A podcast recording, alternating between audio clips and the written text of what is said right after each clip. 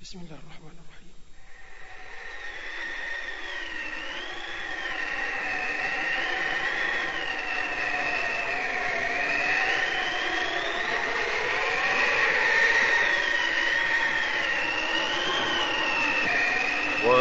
وأذن في الناس بالحج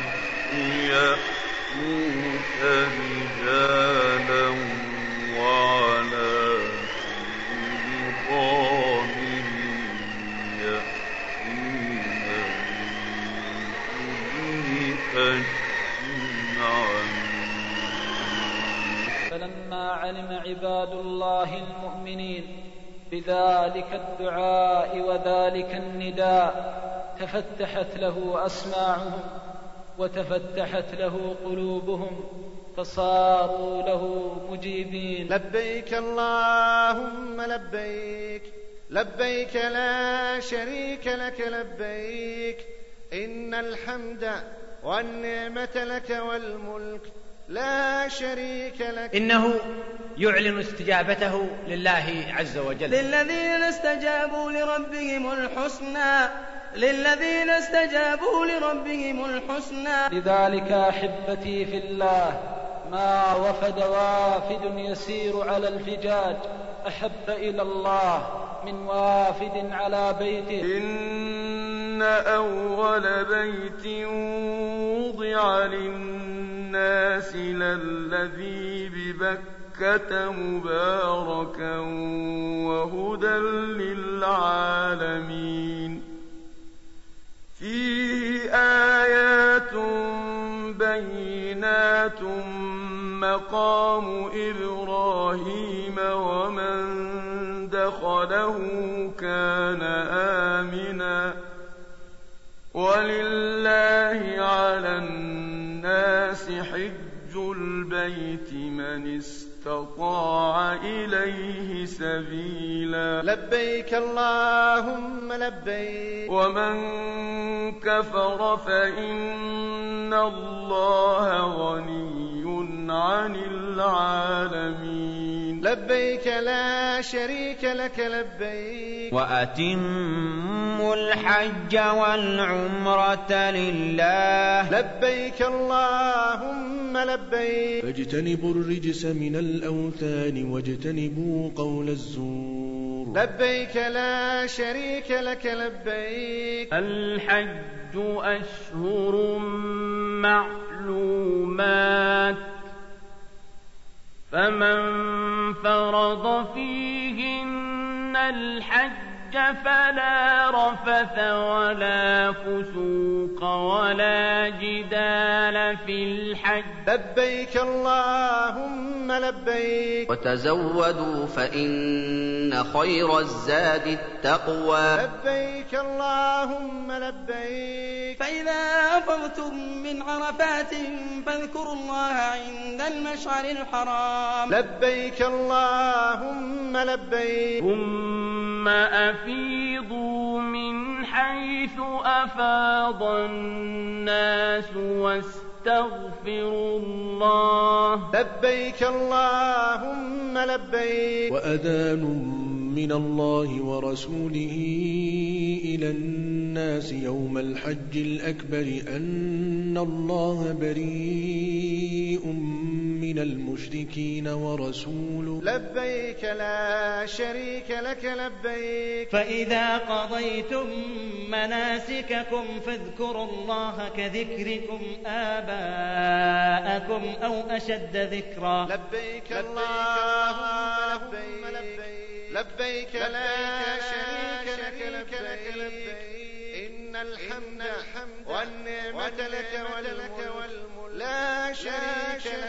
لك لبيك تسجيلات التقوى تقدم مختارات الحج الآن ال- الأنساك الثلاثة يخير الإنسان بينها أحكام إن الحج شاء أهل بالتمتع وإن شاء بالقران وإن شاء بالإفراد محمد بن صالح العثيمين لا إله إلا الله يدفعون من عرفات دخلوها مثقلين يخرجون منها من الذنوب والخطايا مغسولين ما أعظمه من فضل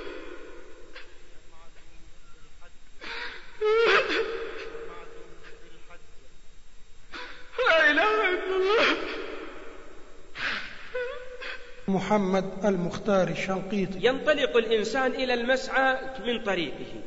يعني من جهة الحجر الأسود ينطلق وهو أقرب الأماكن إلى الصف عمر بن سعود العيد احرص عليها وسجلها ودور لها واحد واحد وانت تحج اي نعم حتى يكون حجك مبرورا سعيد بن مسلم لقد كان أهل الجاهلية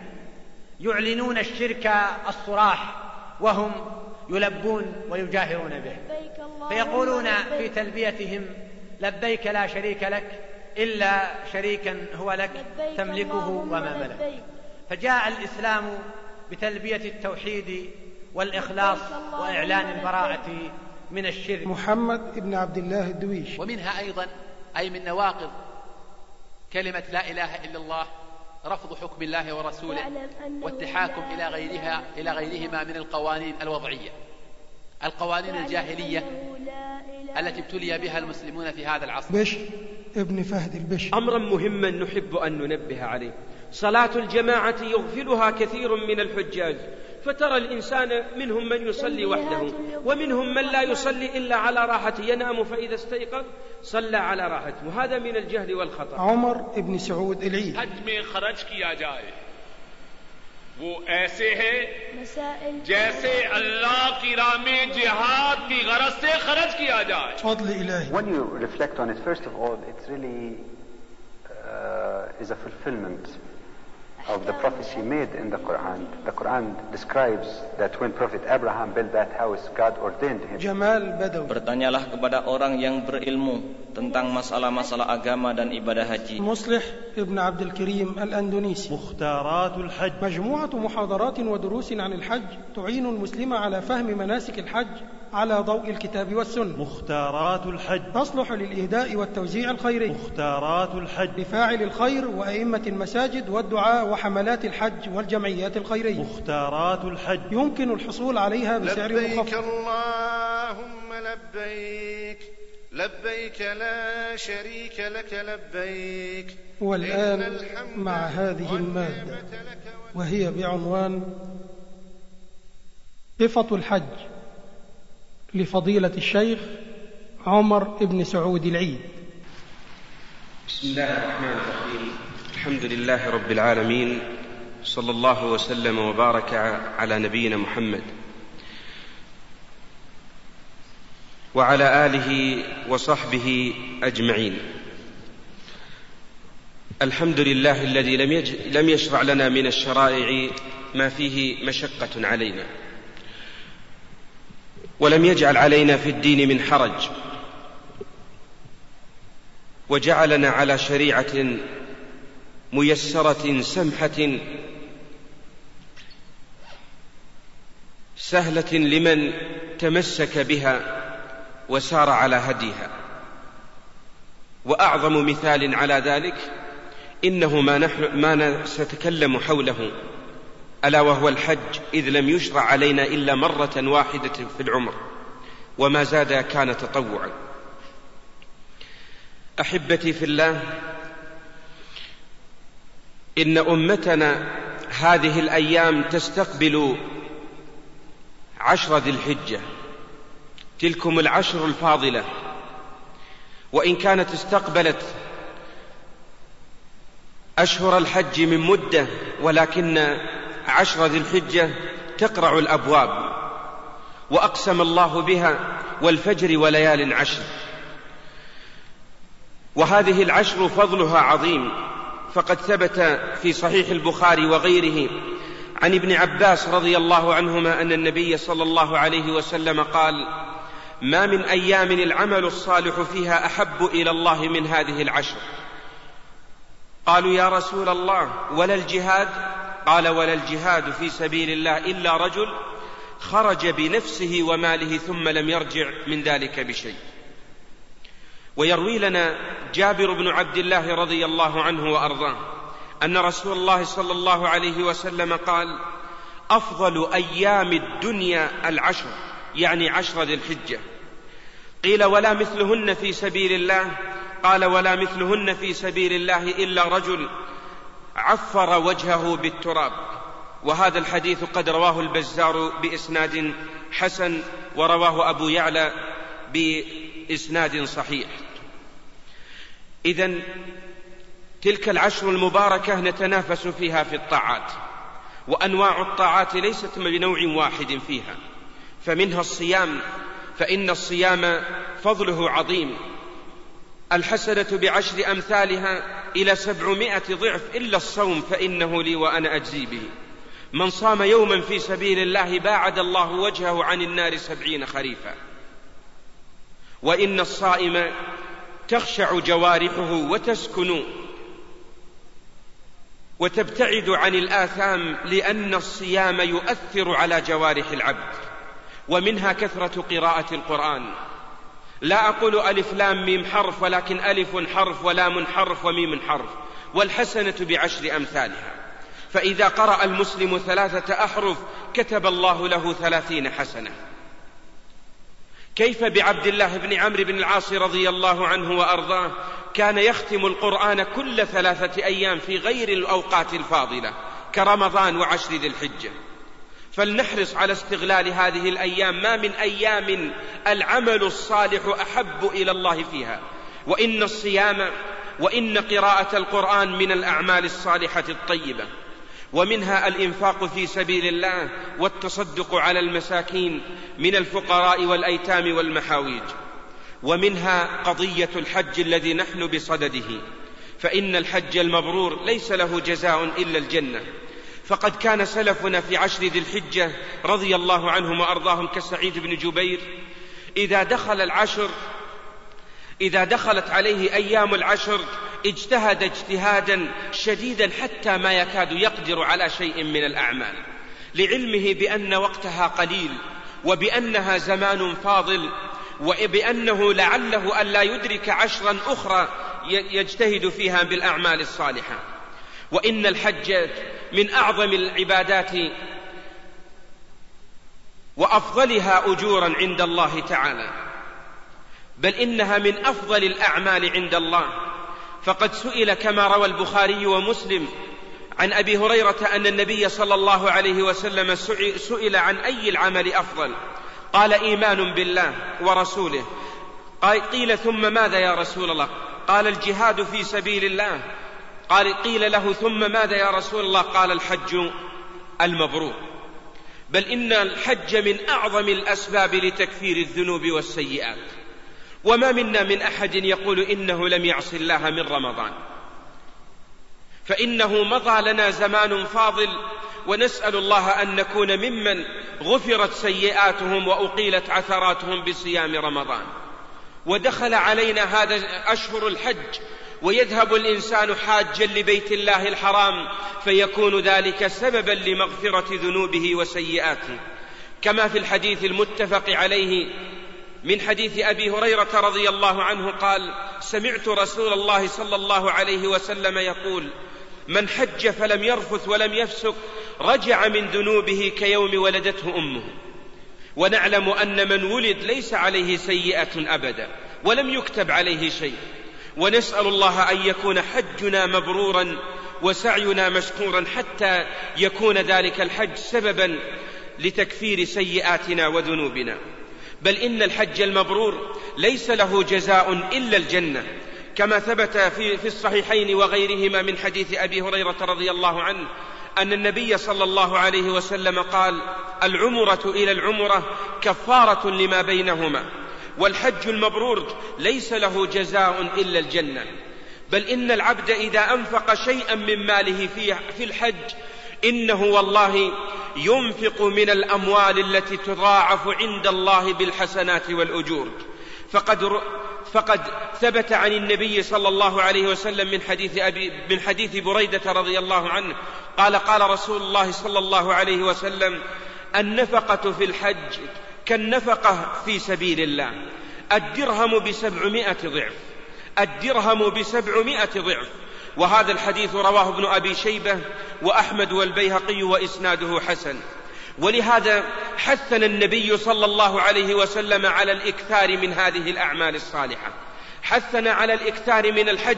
فقد ثبت عن النبي صلى الله عليه وسلم من حديث ابن مسعود رضي الله عنه أن النبي صلى الله عليه وسلم قال تابعوا بين الحج والعمرة فإنهما ينفيان الفقر والذنوب كما ينفي الكير خبث الحديد والذهب والفضة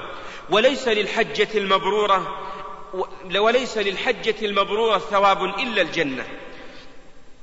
ونجد أن الحجاج والعمار إنهم وفد الله تعالى قدموا عليه فقد روى جابر بن عبد الله رضي الله عنه عن النبي صلى الله عليه وسلم أنه قال الحجاج والعمار وفد الله دعاهم الله فأجابوا وسألوه فأعطاهم وهذا الحديث رواه البزار ورواته ثقات كما قال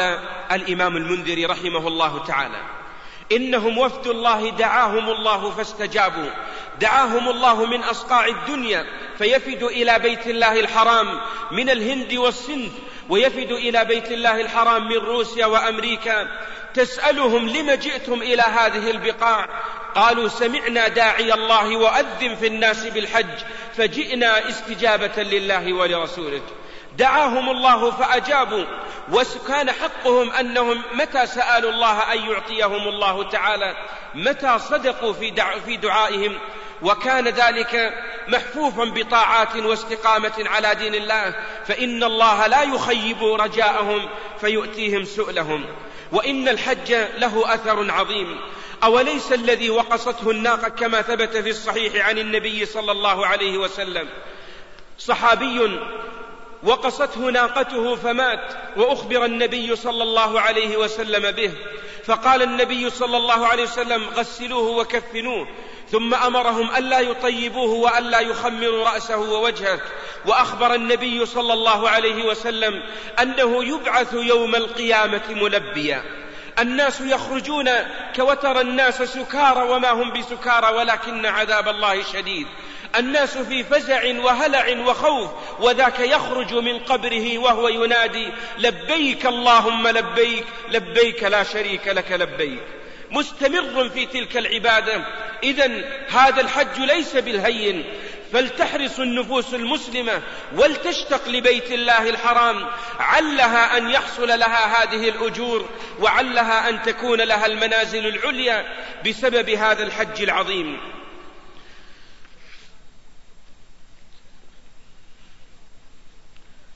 مكث النبي صلى الله عليه وسلم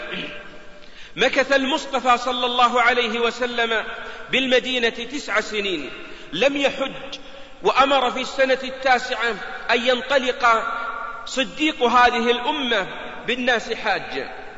وأمره أن ينذر الناس ألا يطوف بالبيت عريان وألا يحج بعد هذا العام مشرك وتهيأ بيت الله ليأتي النبي صلى الله عليه وسلم إليه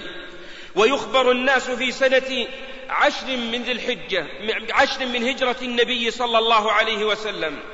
ويؤذن فيؤذن في الناس أن النبي صلى الله عليه وسلم سيحج هذا العام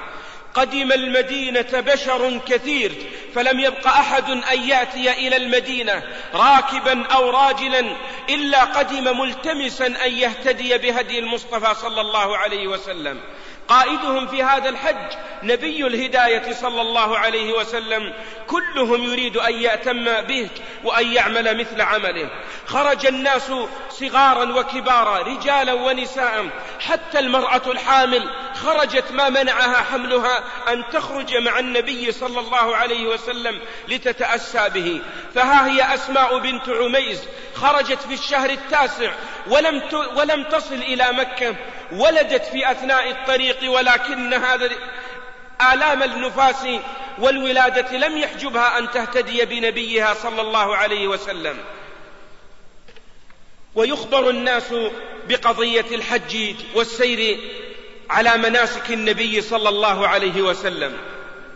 وكان النبي في كل تحركاته وتنقلاته بين هذه المشاعر العظيمه يقول للناس خذوا عني مناسككم خذوا عني مناسككم لعلي لا القاكم بعد عامي هذا لعلي لا القاكم بعد عامي هذا والناس يتاسون بالمصطفى في كل صغير وكبير من افعال الحج اهتداء بهديه وسيرا على سنته صلى الله عليه وسلم ننطلق الآن إلى أنواع الأنساك وقبل أن نتكلم حولها نتكلم حول السفر فكل إنسان يحتاج إذا أراد أن ينطلق إلى بيت الله إلى السفر إلا من كان في مكة فلا حاجة للسفر وجل الناس يفدون من كل فج عميق وأذن في الناس بالحج يأتوك رجالا وعلى كل ضامر يأتين من كل فج عميق ليشهدوا منافع لهم ومما ينبغي للمسلم في في آداب السفر هذه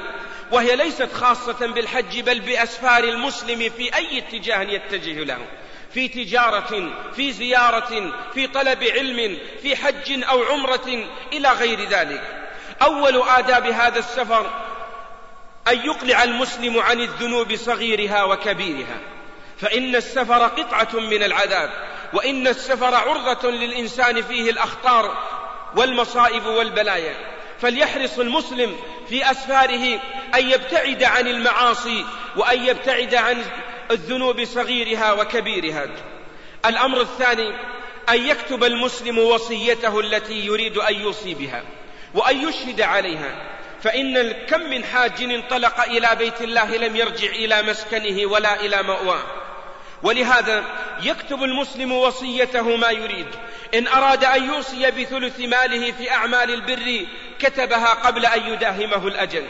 إن كانت عليه ثمة ديون أو أمانات للناس كتبها وأثبتها حتى إذا داهمه الأجل وجاءه الموت إذا به بعد ذلك قد دون ما عليه ولم يبق في ذمته شيء الأمر الثالث أن يستحل المسلم ممن ظلمهم بمظالم سواء كانت في مال أو عرض أو سب أو غير ذلك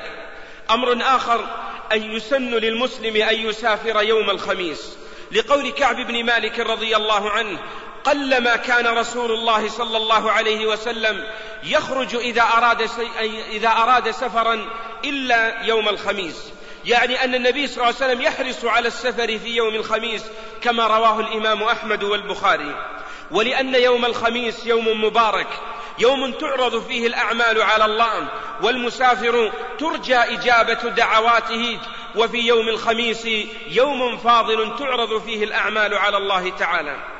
الأمر الثالث أن يطلب المسلم من أهل الخير وال من أهل الخير الوصية والدعاء لحديث أبي هريرة رضي الله عنه وأرضاه أن رجلا جاء للنبي صلى الله عليه وسلم وهو يريد سفرا فقال يا رسول الله أوصني أوصني يا رسول الله قال أوصيك بتقوى الله تعالى والتكبير على كل شرف يعني على كل مرتفع ترتفعه تقول الله أكبر فلما ولى الرجل قال النبي صلى الله عليه وسلم اللهم ازو له الأرض وهون عليه السفر وهذا الحديث أخرجه الإمام أحمد والترمذي وحسنه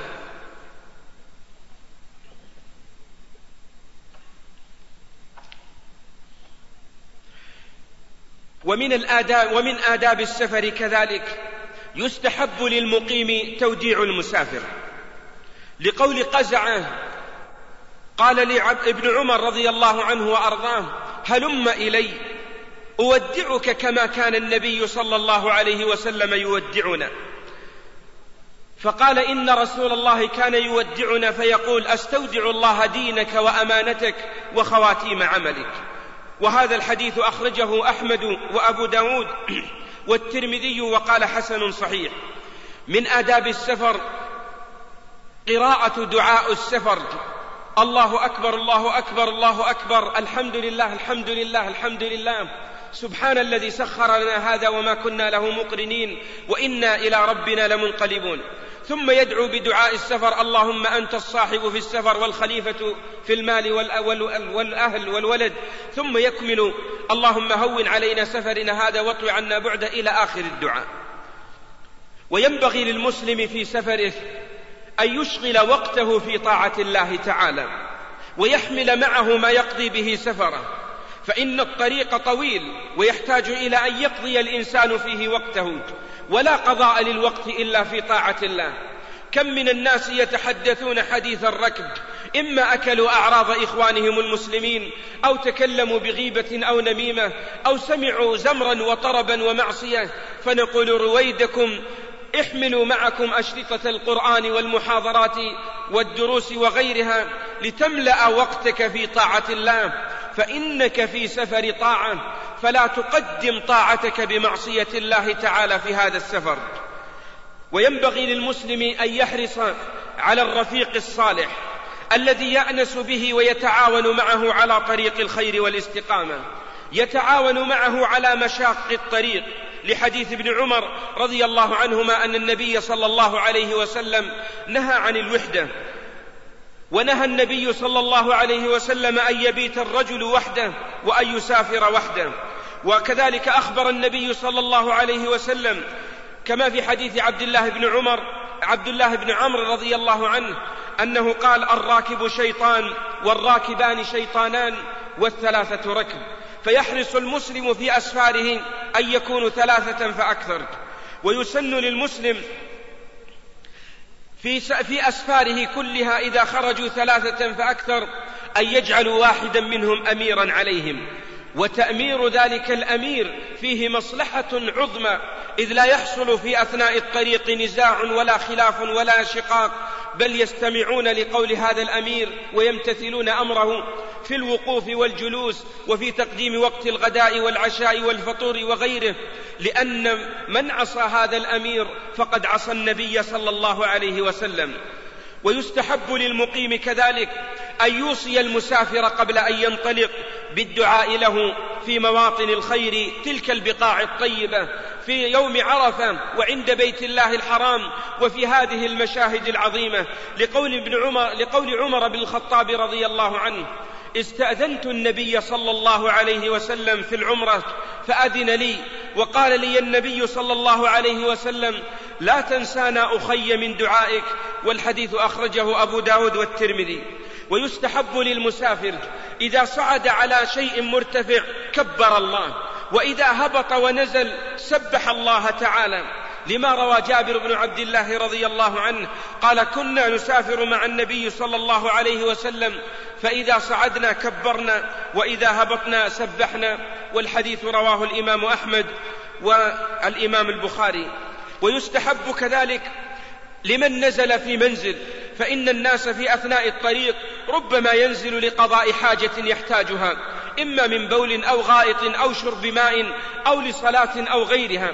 فالسنة للمسلم إذا نزل المنزل أن يدعو بهذا الدعاء العظيم الذي روته لنا خولة بنت حكيم السلمية رضي الله عنها أن النبي صلى الله عليه وسلم قال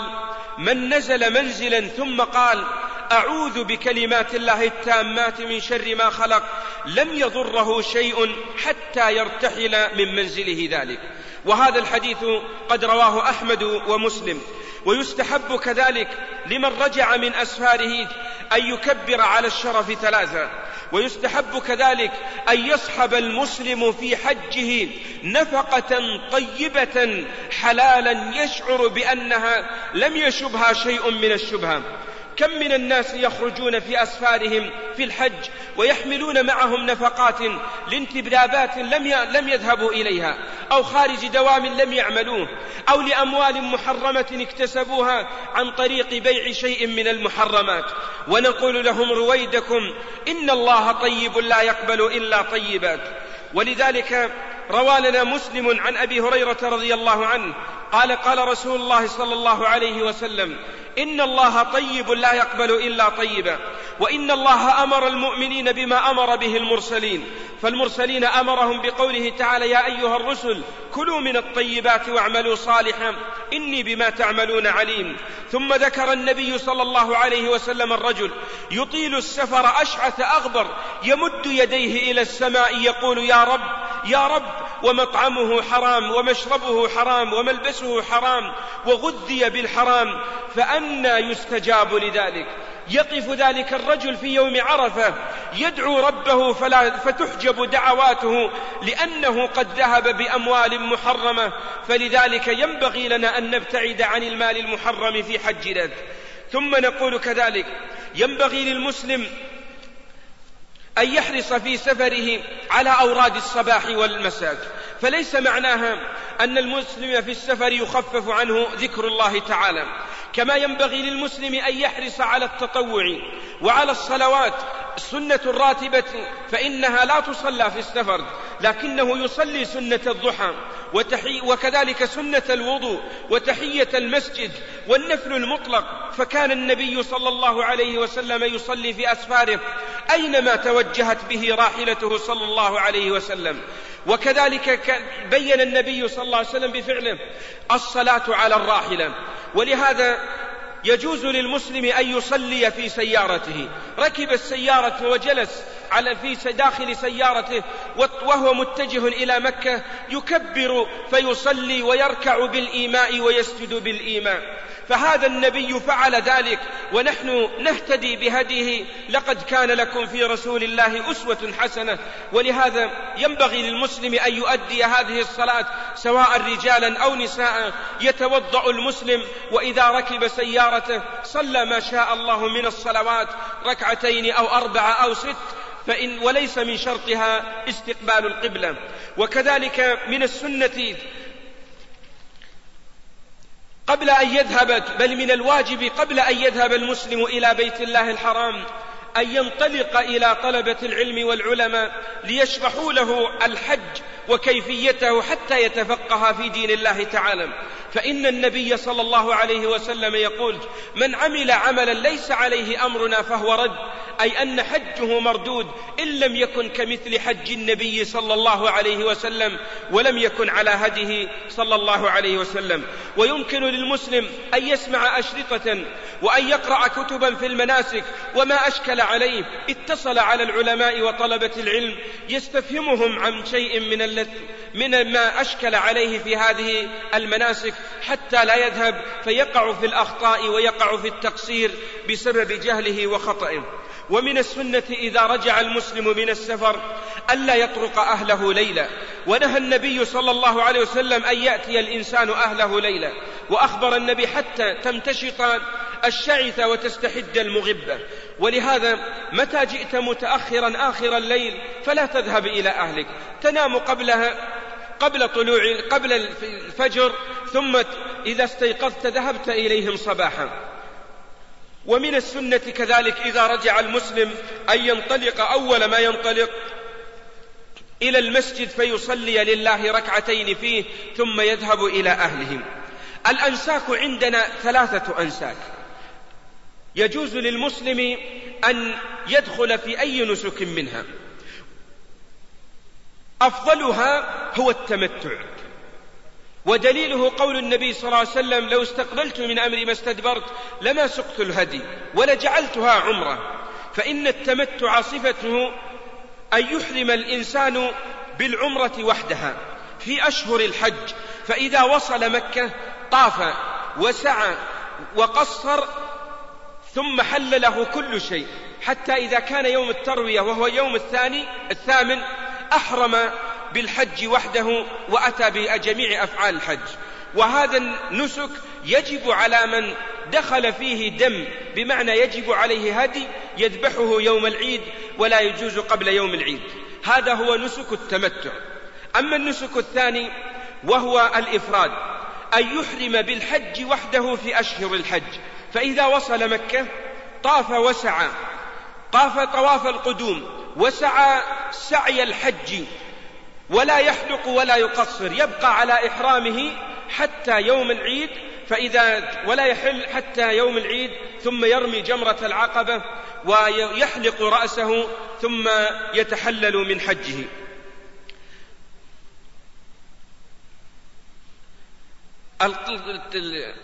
النسك الثالث وهو القران أن يحرم بالعمرة والحج جميعا أو أن يحرم بالعمرة أولا ثم يدخل عليها الحج قبل الشروع في طوافها كفعل عائشة رضي الله عنها أحرمت بالعمرة ولكنها لما حاضت تحول حجها عمرتها إلى دخلت في الحج فأصبحت محرمة قارنة وليست بمتمتعة وعمل القارن مثل عمل المفرد لا فرق بينهما بالنسبة ليس عليه إلا طواف وسعي واحد كل من القارن والمفرد ولكن القارن عليه هدي وأما المفرد فليس عليه هدي وأفضل هذه الأنساك هو التمتع بما ذكرنا من دليل النبي صلى الله عليه وسلم ولأمر النبي صلى الله عليه وسلم للصحابة بأن يحل من من دخل بالحج أن يحل من حجه فيجعلها عمرة وكانت في الجاهلية يعتبرون العمرة في أشهر الحج من أفجر الفجور وبين لهم النبي صلى الله عليه وسلم أن هذا من عمل الجاهلية وأن دين الإسلام لا يرتبط بأعمال الجاهلية المسلم معنا الآن مسافرا وسيصل إلى الميقات والسنة للمسلم إذا وصل إلى الميقات استحب له أن يغتسل وغسل الإحرام ليس بواجب وإنما هو سنة ودليل ذلك أمر النبي صلى الله عليه وسلم لأسماء بنت عميس لما ولدت بذي الحليفة أن, تس أن تغتسل وأن تستثفر وأن تحرم بالحج وأمر النبي صلى الله عليه وسلم عائشة رضي الله عنها لما حاضت وقد أحرمت بالعمرة أن تغتسل وتحرم بالحج وقلنا إن الغسل ليس بواجب فبعض الناس يظن بأنه واجب عليه ولذلك لا يمكن أن يحرم بعمرة أو حج حتى يغتسل وهذا من الجهل وإلا فإنه لو أحرم بدون غسل حجه وعمرته صحيحة إن شاء الله والواجب على المسلم عدم الإسراف بالمياه إن بعض الناس هداهم الله إذا دخلوا دورات المياه مكث نصف ساعة أو ساعة كاملة وأراق من المياه الكثيرة وعند ومكث ساعة يتنظف وكأنه جاء من مفازة ومن آه، محل قدر حتى يحتاج إذا أراد الإنسان أن يزيل ما في جسده من الوسخ والقدر يمكنه أن يغتسل في منزله حتى إذا وصل إلى الميقات اغتسل غسلا خفيفا بفعل النبي صلى الله عليه وسلم ثم انتهى واهتدى بهديه صلى الله عليه وسلم وينبغي للمسلم في عند وصوله للميقات أن يتعاهد إبطيه فكم من الحجاج ربما بعضهم من بلوغه ما نتف إبطيه ولا حلق وكم من الحجاج لا يحرص على نظافة عانته ولا يقصر شاربه وهذا والله خلاف سنة النبي صلى الله عليه وسلم هذا حكم للرجال والنساء بمعنى حلق العانة ونتف الإبط للرجال والنساء سواء فهذا هدي النبي ديننا دين النظافة وفي هذه العبادة نتنظف ونتنزه إلى بيت الله الحرام اقتداء بالنبي صلى الله عليه وسلم بعد أن يغتسل الإنسان يلبس المسلم إزاره ورداءه وليس لبس الإزار والرداء هو الدخول في النسك يظن بعض العامة أنه إذا لبس الإزار والرداء حرم عليه كل شيء وإنما الدخول في النسك بنية الإنسان ثم تلفظه بالنسك الذي يريده ولهذا يلبس المسلم إزاره ورداءه ويضع الرداء على كتفيه ولا يضطبع عند عند الميقات فليس من السنة الاضطباع في هذا الموضع ثم يتطيب الحاج ويختار أفضل طيب عنده ولو اشترى أنفس طيب ليتطيب به فإن هذا من سنة النبي صلى الله عليه وسلم يتطيب بأفضل وبأجود ما يجد يطيب لحيته ويطيب شعره ويطيب جسده أما إحرامه الإزار والرداء فلا يمسه طيب أبدا وإن مسه طيب وجب عليه إما أن يبدله بغيره أو أن يغسله ويغسل ما أصاب هذا الرداء من الطيب إذا طيبه لكن لو كان في جسده ثم علق فيه شيء من مما في جسده فنرجو إن شاء الله أن لا يكون في ذلك حرج لأنه لم يتعمد تطيب إزاره وردائه ودليل الطيب قول ما ثبت في الصحيحين من حديث عائشة رضي الله عنها قالت كان رسول الله صلى الله عليه وسلم إذا أراد أن يحرم تطيب بأطيب ما يجد أطيب ما يجد تطيب به ثم إني أرى وبيص المسك في رأسه ولحيته صلى الله عليه وسلم والمسك نوع من الطيب وتقول عائشة رضي الله عنها كذلك في الحديث الصحيح كنت أطيب رسول الله صلى الله عليه وسلم لإحرامه قبل أن يحرم ولحله قبل أن يطوف بالبيت والسنة للمسلم أن يلبس إزارا ورداء نظيفين أبيضين وإن لبس أي شيء من, من الألوان لا تثريب على الإنسان فيه ما عدا الأحمر أو المزعفر وإن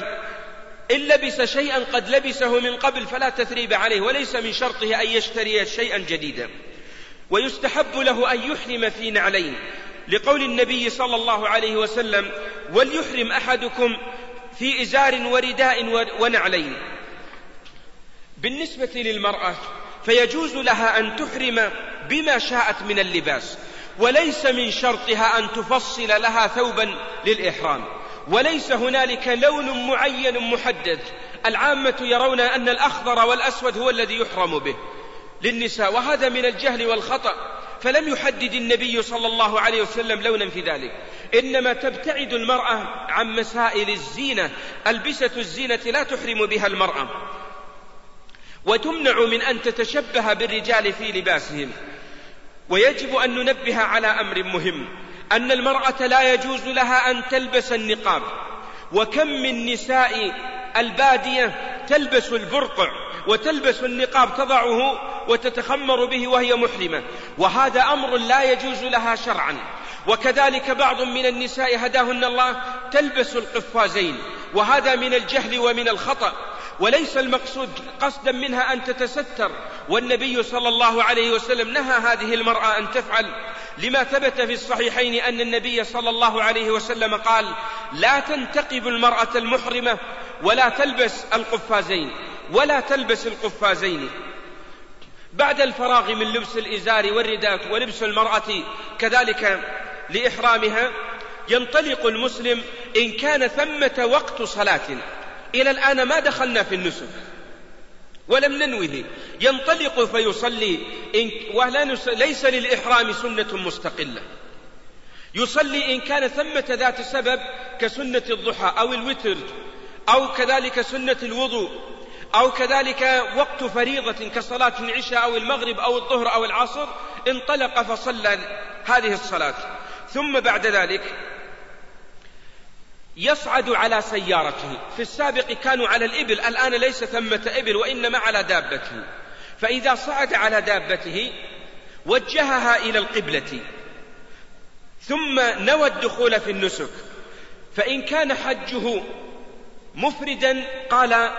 لبيك حجة أو اللهم لبيك حجك وإن كان حجه متمتعا قال لبيك عمرة أو اللهم لبيك عمره وإن قال متمتعا بها إلى الحج فلا حرج ويكفي مجرد لبيك عمرة لأنها بمجرد الإحرام بالعمرة في أشهر الحج يصبح الإنسان متمتعا وليس بمفرد ثم بعد ذلك يقول لبيك اللهم لبيك لبيك لا شريك لك لبيك وحين توجهه بسيارته إلى القبلة يقول اللهم هذه حجة لا رياء فيها ولا سمعة كما فعل النبي صلى الله عليه وسلم ونبينا كما ثبت عنه أنه لم يهل إلا بعد أن استوى على راحلته بمعنى ركب فإذا أهل الإنسان بالحج وقال هذه العبارات حرم عليه محظورات الإحرام كاملة والتلبية يرفع الرجل بها صوته وأخبر النبي صلى الله عليه وسلم أن الحج هو العج والثج بمعنى رفع الصوت بالتلبية وكان الصحابة يرفعون أصواتهم بالتلبية حتى بحت حلوقهم فقال لهم النبي صلى الله عليه وسلم ارضوا على أنفسكم يعني لا يرفع الإنسان صوته رفعا يتعبه وإنما شعار وهي يرفع الإنسان صوته بحيث يسمع الناس أن هذا العبد قد دخل في العبادة وفي النسك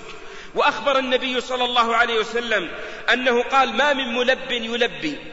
إلا لبى ما عن يمينه وعن شماله من شجر وحجر حتى تنقطع الأرض من هنا ومن هنا فكل من سمع تلبيتك كان ملبيا معك وهذا يدل على فضل التلبية ورفع الصوت فيها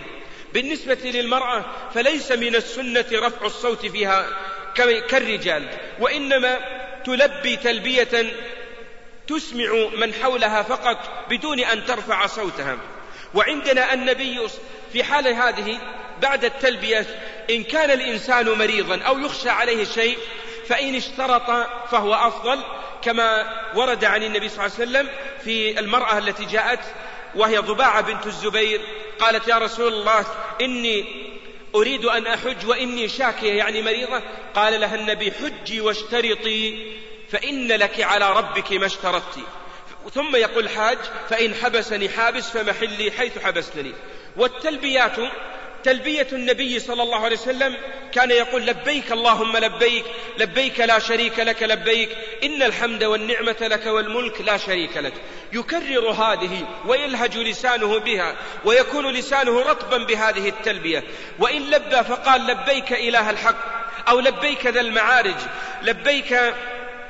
لبيك ذا الفواضل أو لبيك وسعديك والخير بيديك والرغباء إليك والعمل فلا شيء فيها فقد لبى بها أصحاب النبي صلى الله عليه وسلم والنبي يسمع منهم ولم ينكر عليهم بشيء والتلبية تشرع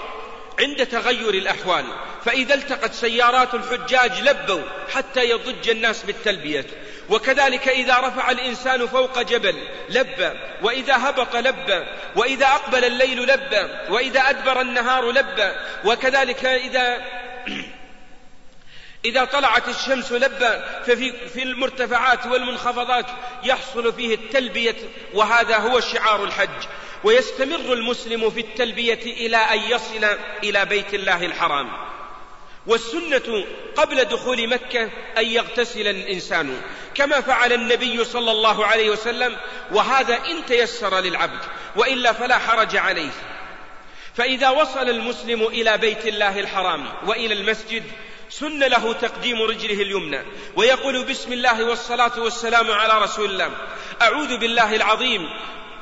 وبوجهه الكريم وسلطانه القديم من الشيطان الرجيم وهو يدعو بهذه الدعوات العظيمة في دخوله فإذا وصل إلى ال... رأى البيت قطعت وإذا رأى الكعبة قطع التلبية قبل أن يشرع في الطواف إن كان متمتعا أو معتمرا وإن, كان وإن دعا بما دعا به عمر بن الخطاب فقد ثبت عنه أنه لما رأى البيت قال اللهم أنت السلام ومنك السلام فحينا ربنا بالسلام ثم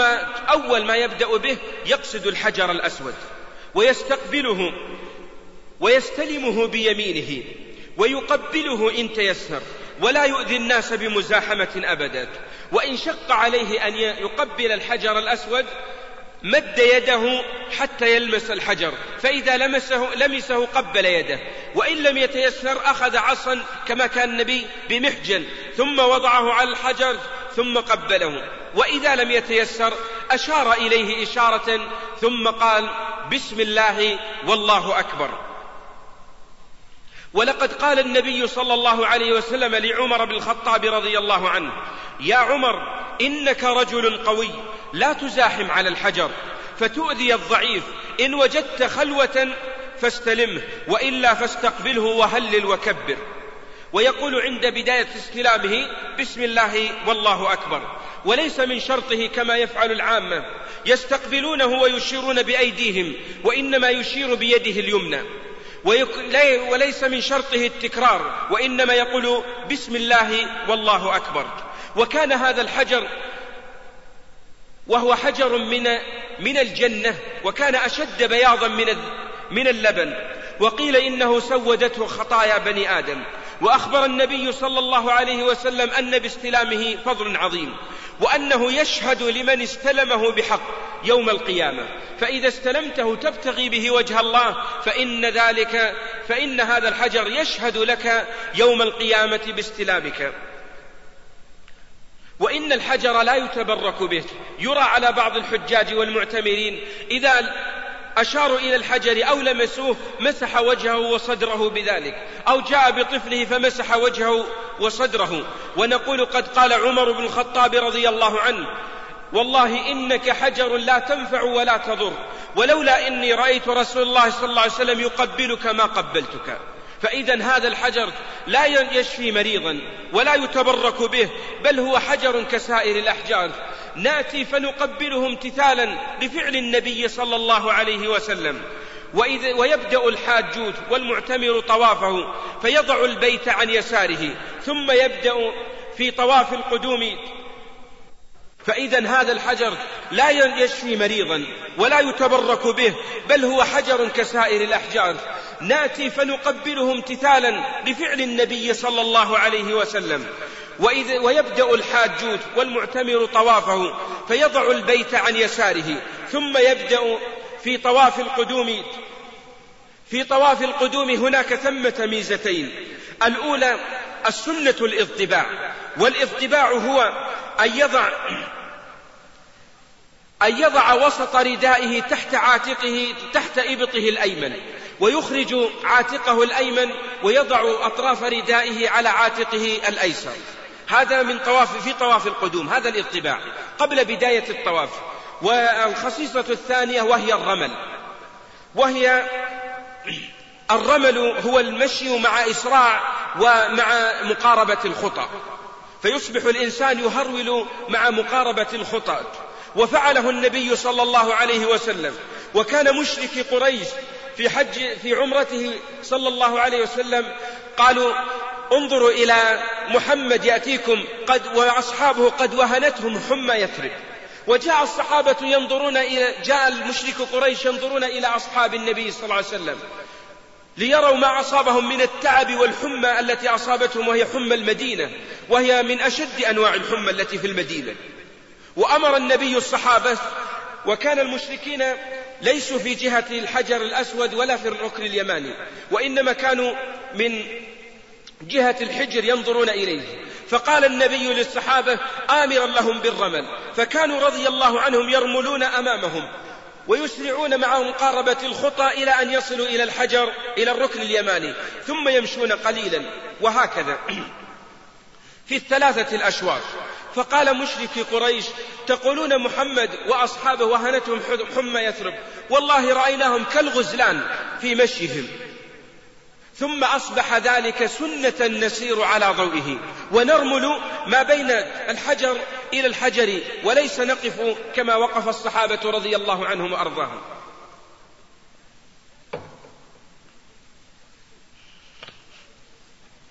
والرمل إنما يكون في الثلاثة الأشواط فقط أما بالنسبة للارتباع فإنه في جميع الأشواط كلها ولم يرد عن النبي صلى الله عليه وسلم في الدعاء في الطواف أدعية خاصة كما يوجد في كتب المناسك وإن بعض الناس من جهلهم يظن بأنه ما يستطيع أن يدعو ونقول رويدك من منا لا يعلم ذنوبه ولا يعلم تقصيره ولا تفريطه في طاعة الله ولا يعلم احتياجاته فكل منا والله يحتاج إلى ربه في كل صغير وكبير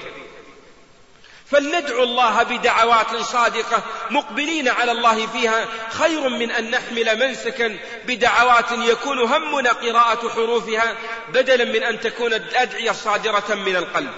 وبعض الناس هداهم الله يكون حالهم يستأجرون أناسا من الذين يلبسون العباءات السود ويطوفونهم ويزورونهم ويصبح هذا الرجل يدعو لهم أدعية بقلب لاه سادر همه ينظر إلى جيبك ماذا ستعطيه وليس همه أن يدعو بتضرع وخشوع بين يدي الله حتى تؤمن على دعائه ولهذا نقول ينبغي ألا نذهب لهؤلاء ولا نحمل هذه الأوراق ولا هذه الكتب ولم يثبت عن النبي صلى الله عليه وسلم دعاء في الطواف ما عدا ما بين الركن اليماني والحجر الأسود غير وهو ربنا آتنا في الدنيا حسنة وفي الآخرة حسنة وقنا عذاب النار وبعدها غيرها لم يثبت عن النبي صلى الله عليه وسلم شيء ونستمر نطوف حول البيت سبعة أشواط كلما حاذينا الحجر الأسود قلنا الله أكبر وإذا حاذينا الركن اليماني إن استلمناه كبرنا وإن لم نستلمه بمعنى إن لم نمسح فإننا لا نكبر نمشي ونمر مرورا عاديا وإن الركن اليماني ليس من خصائصه التقبيل ومن قبله فقد شرع شيئا جديدا لم يفعله النبي صلى الله عليه وسلم بل إن أركان البيت كلها لا تستلم ما عدا الركن اليماني إذا استلمناه والحجر الأسود إذا تيسر لنا ذلك ونستمر نطوف حول البيت سبعة أشواط وإذا انتهينا من الشوط السابع فإنا نكبر في الشوط السابع عند نهايته أقول الله أكبر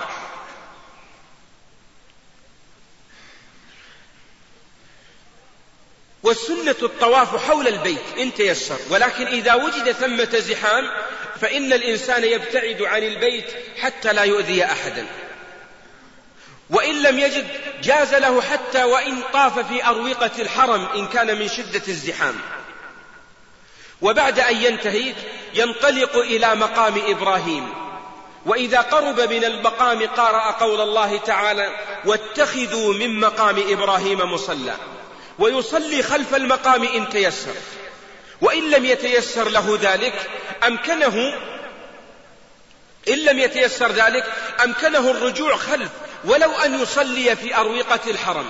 أو أن يصلي في أي جزء من البيت وما يفعله بعض العامة هداهم الله وبعض الجهلة من المسلمين من أن يجتمعون ويتماسك بعضهم ببعض ثم يضعون موضعا ليصلي فيه الناس إنهم يؤذون المؤمنين والمؤمنات بغير حق وإن هؤلاء يخشى عليهم أن يأثموا بفعلهم ذلك لتضييقهم على الحجاج ويقرأ المسلم في هاتين الركعتين قل يا أيها الكافرون وقل هو الله أحد والسنة أن يخفف المسلم هذه الصلاة فقراءتها يسيرة قراءة السور التي فيها قليل صغيرة قليلة ويسيرة ليست آياتها طوال ليدلنا على أن السنة عدم التطويل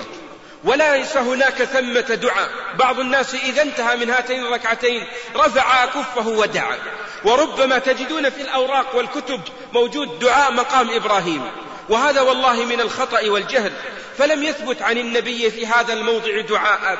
دعاء عن النبي صلى الله عليه وسلم وبعد أن يصلي المسلم ركعتين ينطلق ويذهب إلى زمزم فيشرب منه ويتضلع من مائه فإن النبي صلى الله عليه وسلم قال ماء زمزم لما شرب له وهو ماء مبارك وإن حتى إذا شرب من ماء زمزم رجع إلى الحجر إن تيسر ثم استلمه وكبر انتهينا الآن من الطواف بكامله ثم ننطلق بعده إلى المسعى نخرج إلى إلى المسعى حتى إذا وصلنا قريبا من الصفا قلنا إن قرأنا قول الله تعالى إن الصفا والمروة من شعائر الله فمن حج البيت أو اعتمر فلا جناح عليه أن يطوف بهما ومن تطوع خيرا فإن الله شاكر عليم ثم نقول بعد ذلك نبدأ بما بدأ الله به إذا السنة أن نقرأ هذه الآية ثم نقول نبدأ بما بدأ الله به ثم نرقى على الصفا فإذا رقينا عليه استقبلنا الكعبة وإن تمكن للحاج والمعتمر أن ينظر إليها فهو أفضل ثم بعد ذلك العامة ماذا يعملون يكبرون هكذا الله أكبر الله أكبر السنة إذا رأيت الكعبة أن ترفع يديك هكذا ثم تقول الله أكبر الحمد لله لا إله إلا الله وحده لا شريك له له الملك وله الحمد وهو على كل شيء قدير لا إله إلا الله وحده أنجز آه، لا إله إلا الله وحده نصر عبده وأنجز وعده وهزم الأحزاب وحده ثم أدعو طويلا إن تيسر حتى إذا دعوت كررت هذا الذكر مرة ثانية ثم دعوت ثم كررت هذا الذكر الذي ذكرته ثالثة ثم دعوت طويلا ثم بعد ذلك أنزل بعد هذه الدعوات الطيبة التي أدعو بها نكرر هذا الدعاء ثلاثا إن وجدنا ثمة زحام شديد فلا أقل من أن يقف الإنسان ولو دقائق معدودة لإحياء سنة النبي صلى الله عليه وسلم وكم من الناس يجهلون هدي المصطفى في كثير من أفعالهم ورسولنا صلى الله عليه وسلم لما حج بالصحابة كان يقول للصحابة في كل موضع خذوا عني مناسككم لعلي لا ألقاكم بعد عام هذا ونحن نأخذ مناسك النبي صلى الله عليه وسلم ونسير على طريقته دعونا على الصفا سنهبط وننزل ونمشي مشيا خفيفا ليس فيه هرولة ولا إسراع حتى نصل, نصل إلى العلم الأخضر فإذا وصلنا إلى العلم الأخضر نسرع ونركض ركضا شديدا إن لم يكن فيه زحام أو يؤدي إلى إيذاء أحد ونقل عن بعض التابعين أنه كان يقول في بين العلمين رب اغفر وارحم إنك أنت الأعز الأكرم رب اغفر وارحم إنك أنت الأعز الأكرم وكان النبي صلى الله عليه وسلم يسرع بين العلمين ويسعى حتى ترى ركبتاه صلى الله عليه وسلم وكأن إزاره يدور عليه صلى الله عليه وسلم من شدة إسراعه وهذا يشعر به الإنسان إذا جرى وأسرع تحرك الإزار كأنه يدور فإذا وصل إلى العلم الثاني الأخضر مشى مشيا خفيفا ولم يرد عن النبي صلى الله عليه وسلم فيما بين الشوطين فيما بين الصفا والمروة شيء من الأدعية ويمكن للمسلم أن يحمل مصحفا يتلو فيه آيات الله تعالى أن يسبح ويهلل أن يقرأ آيات من القرآن قد حفظها أن يدعو بدعوات صادقة من قلبه فإن هذه هي مواطن الدعاء فإن هذه من مواطن الدعاء التي يدعو فيها العبد حتى إذا وصل إلى المروة صعد عليها قليلا ثم استقبل الكعبة ثم رفع يديه ولا يقرأ إن الصفا والمروة من شعائر الله عند المروة إنما تقرأ مرة واحدة عند صعوده على الصفا عند بداية السعي فقط أما قراءتها عند المروة فإنها لم يرد عن النبي صلى الله عليه وسلم فيها شيء ماذا يعمل إذا صعد على المروة رفع ثم دعا بالدعوات الأولى الحمد لله الله أكبر الحمد لله لا إله إلا الله وحده لا شريك له الملك وله الحمد وهو على كل شيء قدير لا إله إلا الله وحده أنجز وعده ونصر عبده وهزم الأحزاب وحده ثم يكرر يدعو طويلا ثم يكرر ذلك الذكر مرة ثانية ثم يدعو طويلا ثم يكرره ثالثة ثم يدعو طويلا ثم يهبط مرة أخرى من الصفا إلى المروة السعية ثم يعود إلى إلى الصفا مرة أخرى وتعتبر سعية يسعى بين الصفا والمروة سبعة أشواط فإذا انتهى من وصل إلى الشوط السابع وانتهى منه عند المروة رفع يديه كذلك وذكر الله ودعا ثم خرج من المسعى فإن كان متمتعا فإن كان متمتعا قصر من رأسه وإن كان مفردا أو قارنا فإنه لا يمس شيئا يبقى على إحرامه إلى يوم العيد حتى يرمي جمرة العقبة ثم يقصر بعد ذلك بهذا نكون قد انتهينا من العمرة بكاملها طفنا ثم سعينا ثم قصرنا وانتهينا من ذلك العجب من بعض الناس أنبه على ملاحظة أن بعض الناس إذا ذهبوا مجموعة حددوا موعدا قالوا نريد أن يكون السعي لمدة نصف ساعة ويصبح الناس همهم الذهاب والمجيء ولم يستشعروا مواضع الدعوات العظيمة ولم يستشعروا أن هذه مواطن لا تحسب بزمان كل يناجي ربه في هذا الموضع فمن الناس من يخشع بين يدي ربه رافعا أكفه يطلب ما عند الله ومن الناس من يصبح همه النظر إلى الذاهب والجاي والنظر إلى الطويل والقصير والنظر إلى أشكال الحجاج وألوانهم وهذا من الخطأ والجهل أن نحدد وقتا معينا وإنما نصبح كل يؤدي العبادة على ضوء ما سار عليه النبي صلى الله عليه وسلم إذا كان المسلم متمتعا بعد تقصيره ذلك حل له كل شيء من الطيب واللباس وإتيان النساء يبقى المسلم بعد ذلك إلى يوم التروية إن كان قارنا أو مفردا بقي على إحرامه إلى يوم التروية وإن كان متمتعا حل من إحرامه ولبس ثيابه آه، ثياب العادية ولبس المخيط وتطيب وغيره إلى أن يأتي يوم التروية ذلك اليوم هو يوم الثامن من ذي الحجة وهو أول أيام الحج للمتمتع والسنة للحاج أن يحرم في هذا اليوم ضحى ويفعل الحاج في هذا اليوم كما يفعل عند الميقات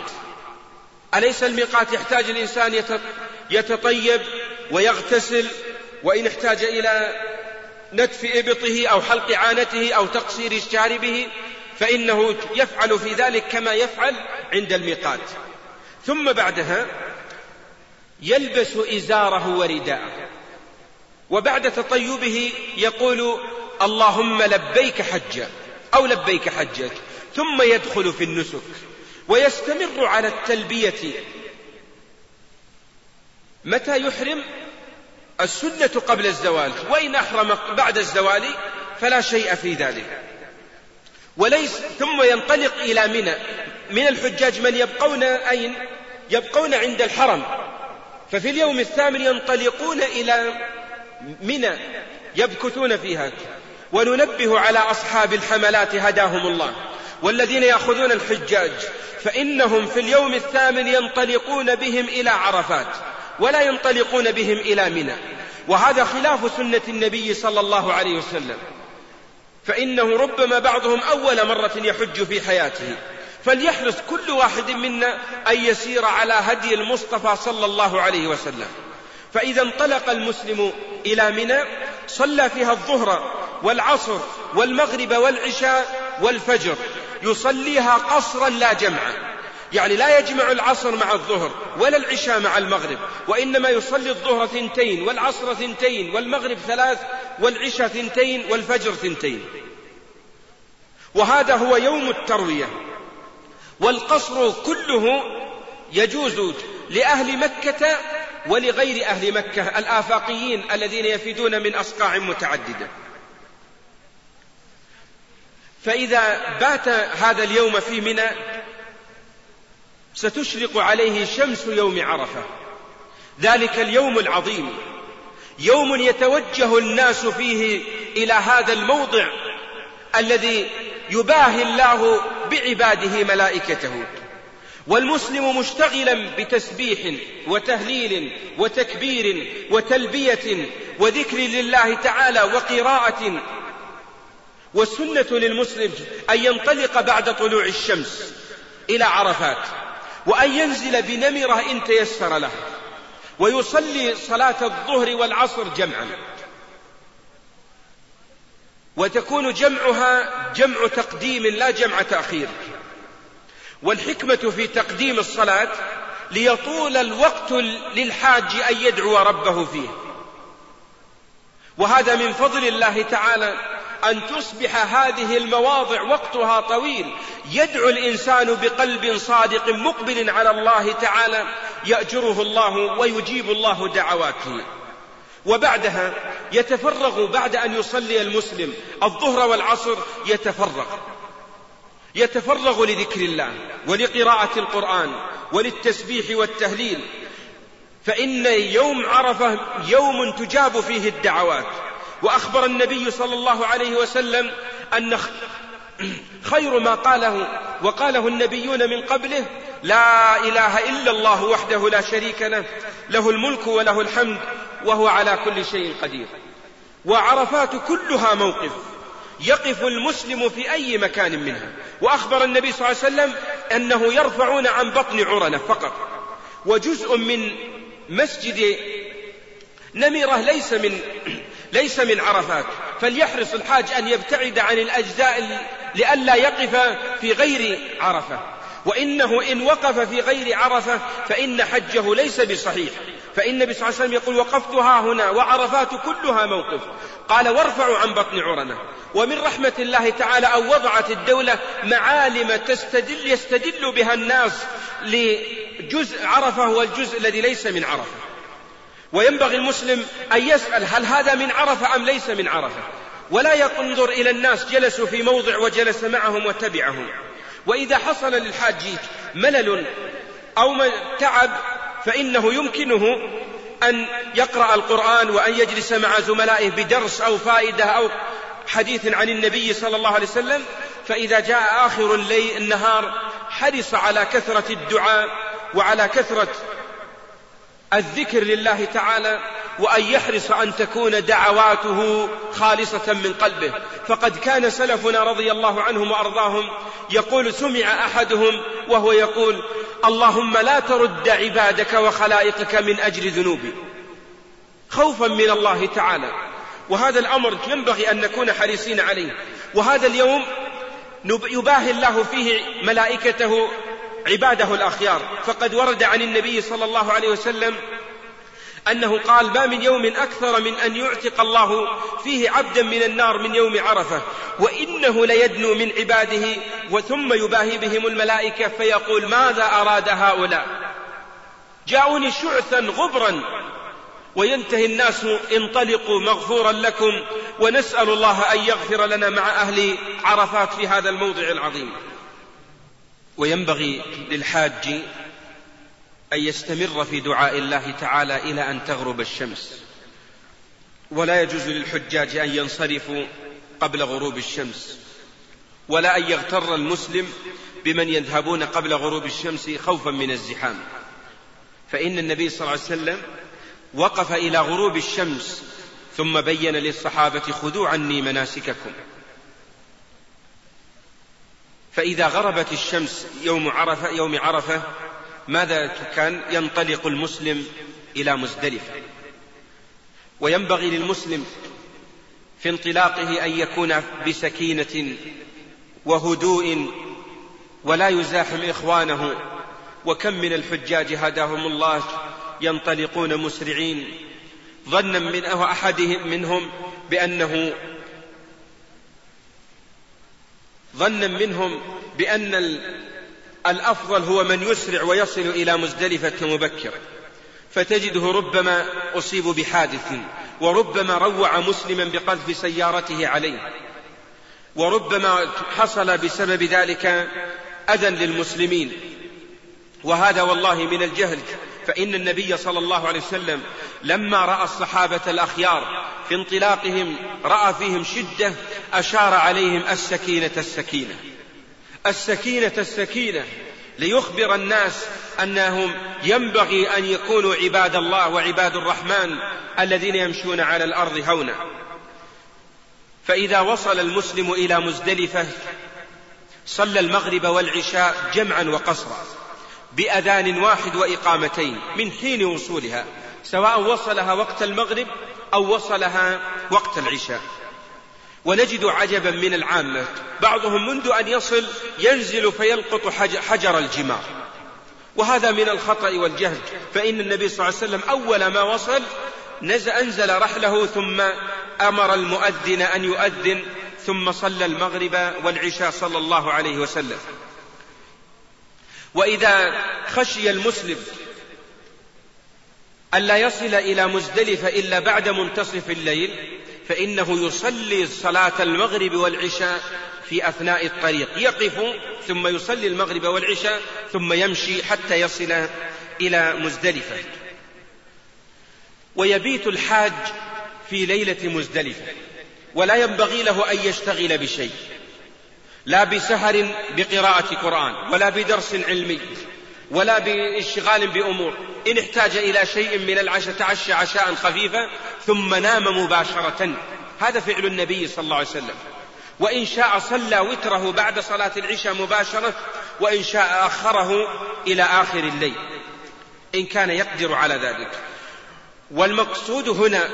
أنه لم يرد عبادة ولم يرد عمل في ليلة مزدلفة لما إن الحكمة من ذلك حتى يستعد الإنسان لأعمال يوم العيد فإن يوم العيد فيه الرمي وفيه الحلق وفيه الطواف وفيه النحر فيه أعمال كثيرة فيحتاج البدن إلى شيء من الراحة وذلك من رحمة الله تعالى بنا أن يسر لنا هذه العبادات ولم يجعل علينا فيها من حرج فإذا بات الحاج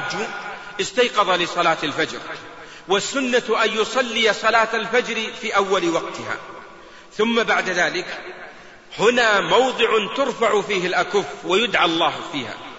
إن استطاع أن يصل إلى المشعر الحرام ذهب إليه وإن لم يستطع عند مكان سيارته وقف بعد صلاة الفجر ثم رفع أكفه داعيا إلى الله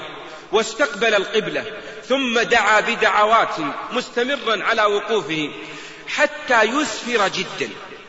بعض الناس منذ أن يصلي الفجر ينطلق هذا خلاف سنة النبي صلى الله عليه وسلم بل إن السنة أن يقف الإنسان ثم يرفع أكفه ويدعو الله في هذا الموضع العظيم فإنها من المواضع التي ترجى فيها الإجابة وهو من المواضع التي ترفع فيه الأيدي المواضع الذي ترفع فيه الأيدي في الحج عدة مواضع عند الصفا واحد وعند المروة واحد وفي يوم عرفة واحد وفي مزدلفة هنا الموضع الرابع ترفع فيه الأيدي ويرفع الإنسان يديه يدعو الله تعالى بما شاء من خير الدنيا وخير الآخرة فإذا أسفر جدا انطلق بعد ذلك إلى منى إذ, يس إذ يشرق عليه يوم العيد ذلك اليوم العظيم ففي يوم العيد ينطلق المسلم إلى منى بسكينة ووقار طيب متى يلقط الحاج الجمار فعل النبي صلى الله عليه وسلم ما لقطت له حصى الجمار إلا في طريقه لما ذهب من مزدلفة وفي الطريق لقطت له لم يلقطها من مزدلفة ويمكن الحاج أن يلقط الجمار من مزدلفة يلتقط سبع حصيات بعض الحجاج يلتقطه جميع أيام التشريق بكاملها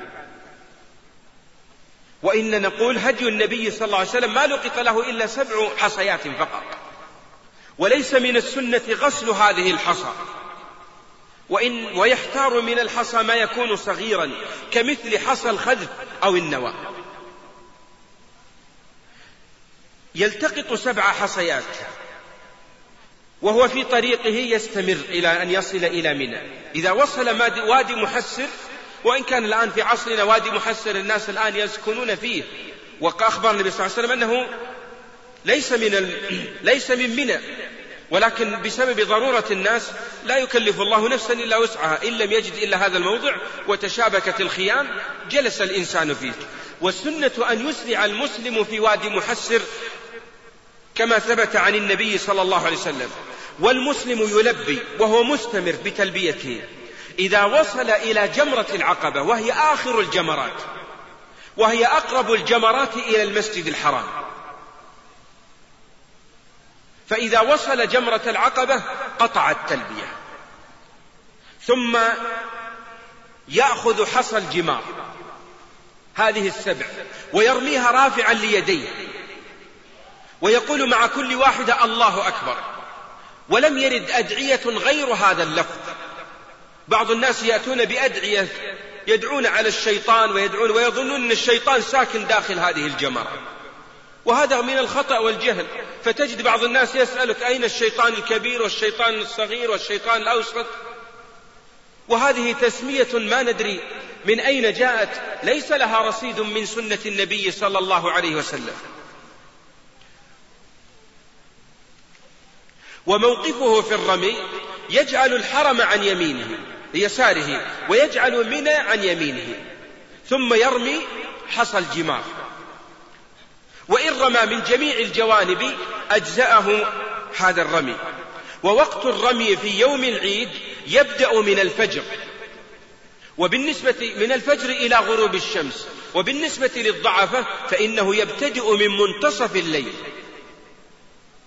وإن لم يستطع الإنسان أن يرمي بسبب الزحام في النهار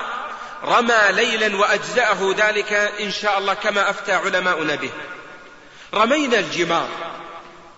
وتحية منى رمي الجمار ثم ينطلق الحاج إلى هديه إذا كان متمتعا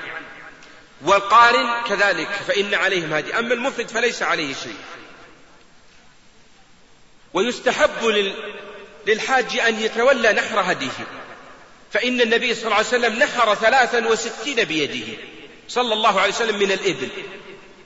وأكمل البقية علي بن أبي طالب فإن النبي أهدى إلى البيت مئة من الإبل ونحر النبي بيده الشريفة ثلاثا وستين في وقت واحد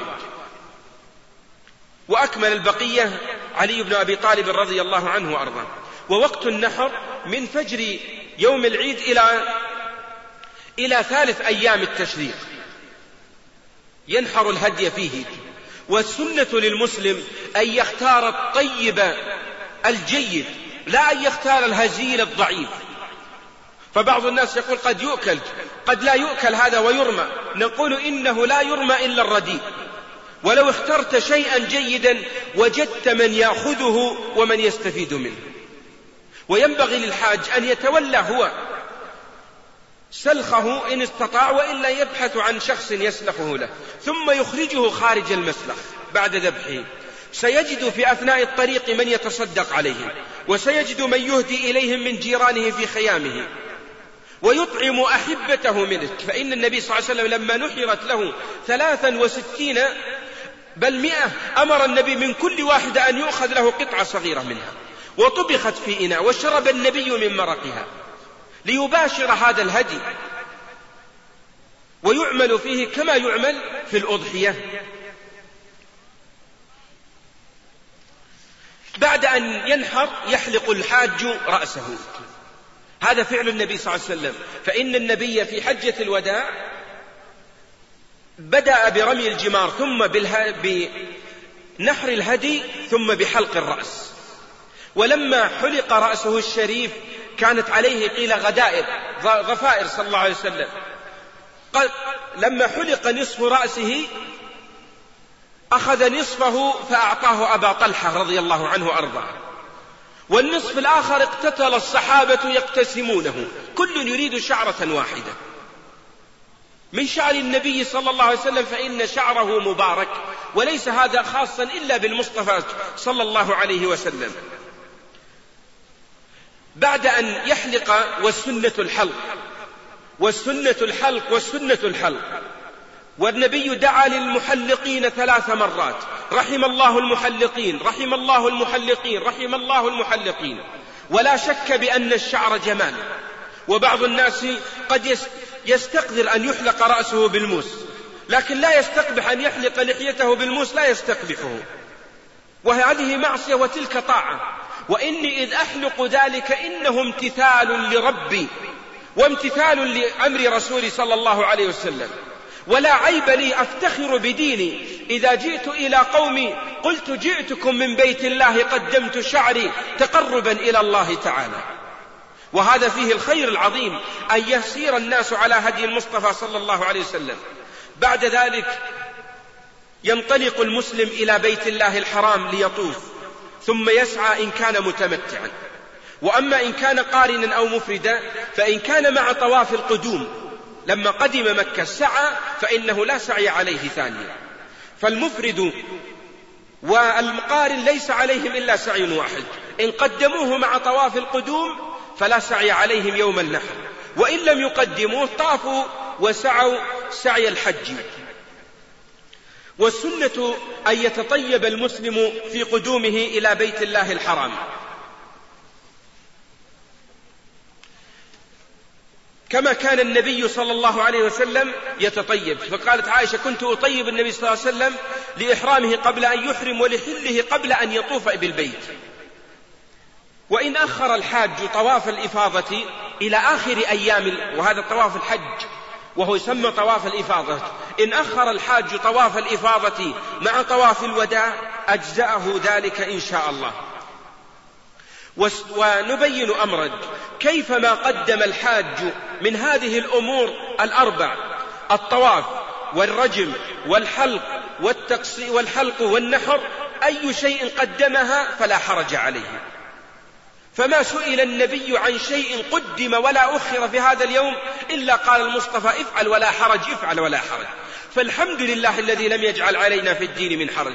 فترى حاجا ينحر وذاك يرمي وآخر وصل البيت وذاك يحلق رأسه وهكذا حتى لا يحصل على الناس مشقة وهذا من يسر الله تعالى في من يسر هذا الدين ومن فضل الله تعالى علينا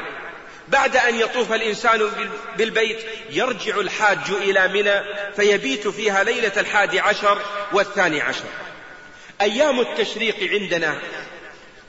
ثلاثة أيام في اليوم الأول لا رمي إلا لجمرة العقبة وهو يوم العيد أما اليوم الحادي عشر فإن المسلم الحاج يرمي ثلاثة جمار يرمي أولا الوسطى أولا الصغرى يبدأ بالتي تلي منى وهي الصغرى ثم الوسطى وآخرها جمرة العقبة ويلتقط ولا يكون الرمي إلا بعد الزوال لا رمي قبل الزوال أبدا وإنما يبدأ بعد زوال الشمس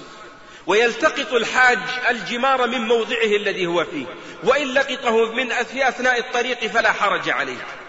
والأفضل أن ير- أن يرمي وهو ماش وإن ركب فلا بأس ويجب ترتيب الجمار كما قلت الصغر الصغرى ثم الوسطى ثم الكبرى وهي جمرة العقبة بعض الناس يجهلون فيبدأ بالأخيرة أو يجهل يبدأ بالوسطى فينسى فنقول السنة بل الواجب وفعل النبي صلى الله عليه وسلم بدأ بها مرتبة ولو بدأ بها مخالفة لم تجزئه ولم تصح منه يرمي جمار كل واحدة بسبع حصيات يرفع يده مع كل واحدة ويكبر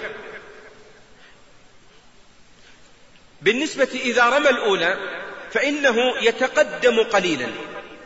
ثم يدعو في هذا الموضع يرفع يديه وهذا الموضع الخامس من المواضع التي ترفع فيها الأيدي في الحج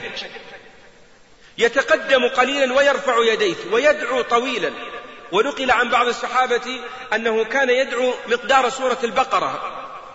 فنقول ليت الناس يطبقون السنة ولو دقائق معدودة حتى يعلم الناس هدي النبي صلى الله عليه وسلم بعض الناس إذا جاء للجمار تحزم كأنه داخل إلى معركة ثم شد بعضهم بعضا ودخلوا فهجموا على الحجاج وضرب هذا وسقط هذا ويضحك إذا آذى هذا وسب هذا وشتم هذا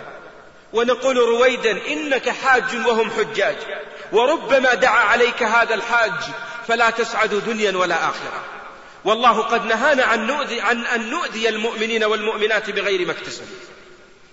فإذا رمى هذه الجمرة الصغرى تقدم قليلا ورفع كفه ودعا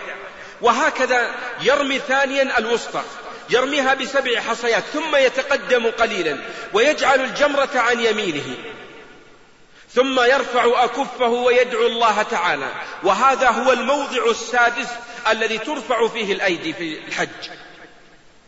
ويدعو طويلا ثم يتقدم فيرمي جمرة العقبة وإذا رماها لا دعاء عند هذا الموضع أبدا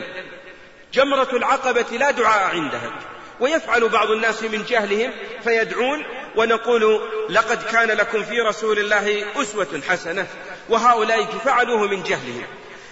أن عندنا اليوم الأخير وهو آخر أيام التشريق وهو الثاني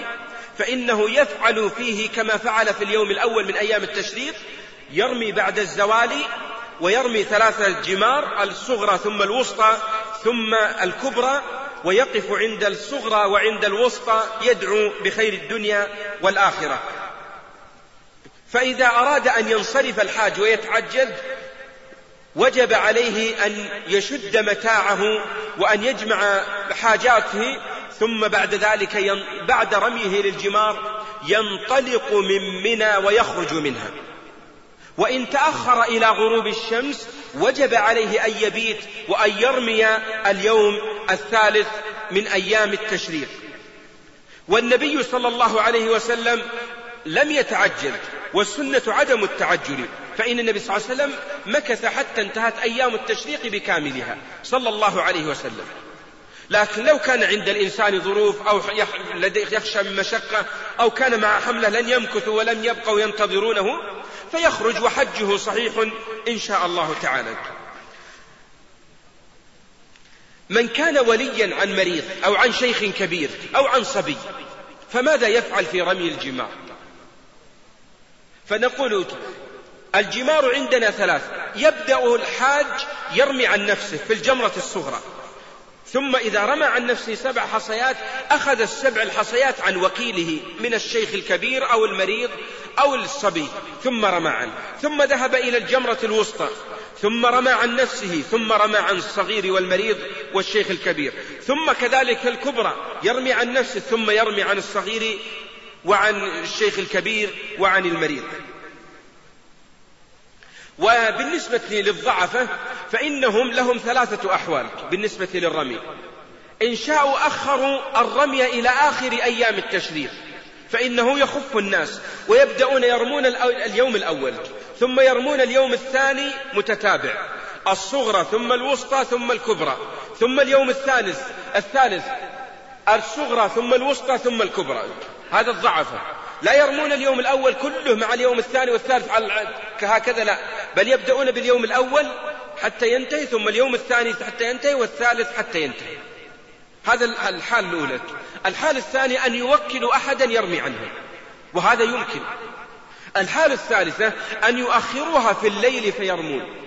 أن يؤخروها في الليل فيرمود والأفضل أن يباشر المسلم تلك العبادة بنفسه لكن إن لم يستطع لا يكلف الله نفسا إلا وسعها ولم يجعل علينا الله في الدين من حرج انتهت أعمال الحج الثلاثة الأعمال الحج بكاملها والواجب أن يبيت الحاج ليالي أيام التشريق في منى ولا يجوز له أن يترك المبيت وبعض الحجاج هداهم الله تكون عندهم طريقة في النهار يذهبون إلى الشقق وفي الليل يبيتون حجهم صحيح لا يعني لكنهم خالفوا سنة النبي صلى الله عليه وسلم والنبي ما خرج من منى أبدا مكث فيها ليله ونهاره صلى الله عليه وسلم وخير الهدي هدي النبي صلى الله عليه وسلم بقي عندنا بعد أن بتنا في منى ورمينا الجمار بقي عندنا طواف الوداع قد نبهت سابقا أنه يجوز للحاج أن يؤخر طواف الإفاضة وهو طواف الحج مع طواف الوداع ثم يسافر فإذا أراد المسلم أن يسافر من مكة فإنه لا يجوز له أن يخرج من مكة حتى يطوف طواف الوداع لأمر النبي صلى الله عليه وسلم ألا ينفر الحاج حتى يكون آخر عهده بالبيت بالنسبة للحائض والنفساء فليس عليهم طواف وداع وهذا أنبه على مسألة ولعل الله ييسر إن أمد الله بالعمر في السنة القادمة أن نذكر محاضرة حول حج الأخت المسلمة كيف يكون يكون منسكا خاصا بالمرأة لتعرف وتسمع ثم تطبق لأن أحكام لها أحكام تتميز عن الرجال حتى تستوعب وتفهم وتتفقه في دين الله تعالى من كان معه نساء ويخشى عليهن أن يحضن فليبادر بطوافهن طواف الحج الذي هو يبدأ في ليلة في نصف ليلة يعني بعد نصف الليل من مزدلفة يسارع بهن خوفا لأنها لو لم تطف وجب عليه أن يجلس في مكة حتى تطهر دليل ذلك أن النبي صلى الله عليه وسلم سأل عن إحدى زوجاته فقال يا رسول الله إنها قد نفست يعني حاضت قال النبي أحابستنا هي يعني سنجلس من أجلها قالوا يا رسول الله إنها قد أفاضت يعني طافت طواف الإفاضة قال إذا فلتنفر فالحائض والنفس ليس عليهما وداع طواف الوداع وإنما يجب عليهم طواف الإفاضة فليحرص الحاج إذا كان معه نساء أن يعرف آه، ما سيحصل لزوجته أو لمن كان معه من أخته أو أمه أو غيره مخافة أن يحتبس أو ينحبس من أجلها يكون طواف الوداع هو آخر عهد الإنسان بالبيت وإذا أراد الإنسان الانصراف ولهذا لا ينبغي للمسلم إذا طاف طواف الوداع أن يجلس فيبيع ويشتري ويشتري حاجات وهدايا وغيرها أو يجلس ساعات طوال ثم ينطلق بل يكون آخر عهده بالبيت هذا الطواف ثم ينطلق مسافرا في حل في مسافرا راجعا إلى منزله هذه جلة أو جل أعمال الحج وصفة الحج للنبي صلى الله عليه وسلم والتي أسأل الله سبحانه وتعالى بأسمائه الحسنى وصفاته العلى أن يجعلني وإياكم ممن يهتدي بهدي نبيه وممن يسير على طريقه ومنهجه وممن آه، يقتدي بسيرته في كل صغير وكبير فإذا أردنا أعمالنا أن تقبل سرنا على هديه وحصل لنا القبول ولم نتخبط ثم نتورط بعد ذلك نسأل فإذا على الإنسان دم وإذا هو قصر في حجه وإذا هو قد فرط في طاعة أو عبادة أو ذكر وغيره وأسأل الله أن يجعلني وإياكم من أهل الخير والاستقامة وأن ينفعني وإياكم بما علمنا وأن يجعله في موازين حسناتنا وأن يتوفانا وإياكم على طريق الخير والاستقامة جزى الله الشيخ خيرا على ما قدم وجعله في ميزان حسناته ونفعنا وإياكم بما سمعنا وفي الختام نوصيك أخي الحاج وأنت قد انتهيت من حجك وصدرت عن البيت صدرت وكلك شوق ورحمة وحنين أن يرحمك الله بقبول الحجة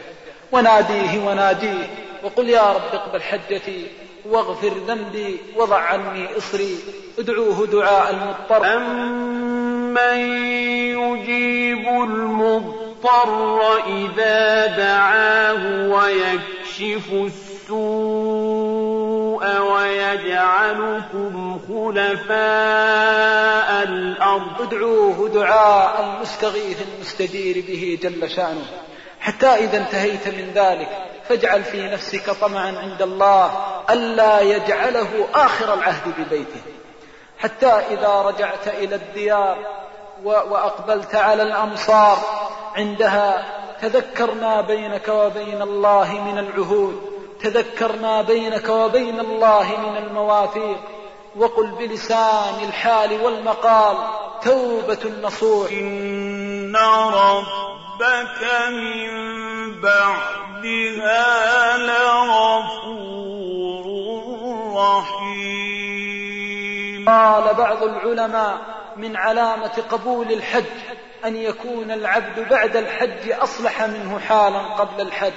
يا عبد الله إذا لبيت لله فاعلم أنك قد عاهدت الله على توحيده فإياك أن ترجع والعياذ بالله بالله مشركا إن الله لا يغفر أن يشرك به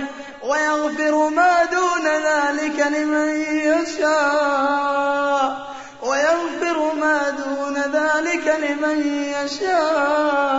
يشاء إن الله لا يغفر أن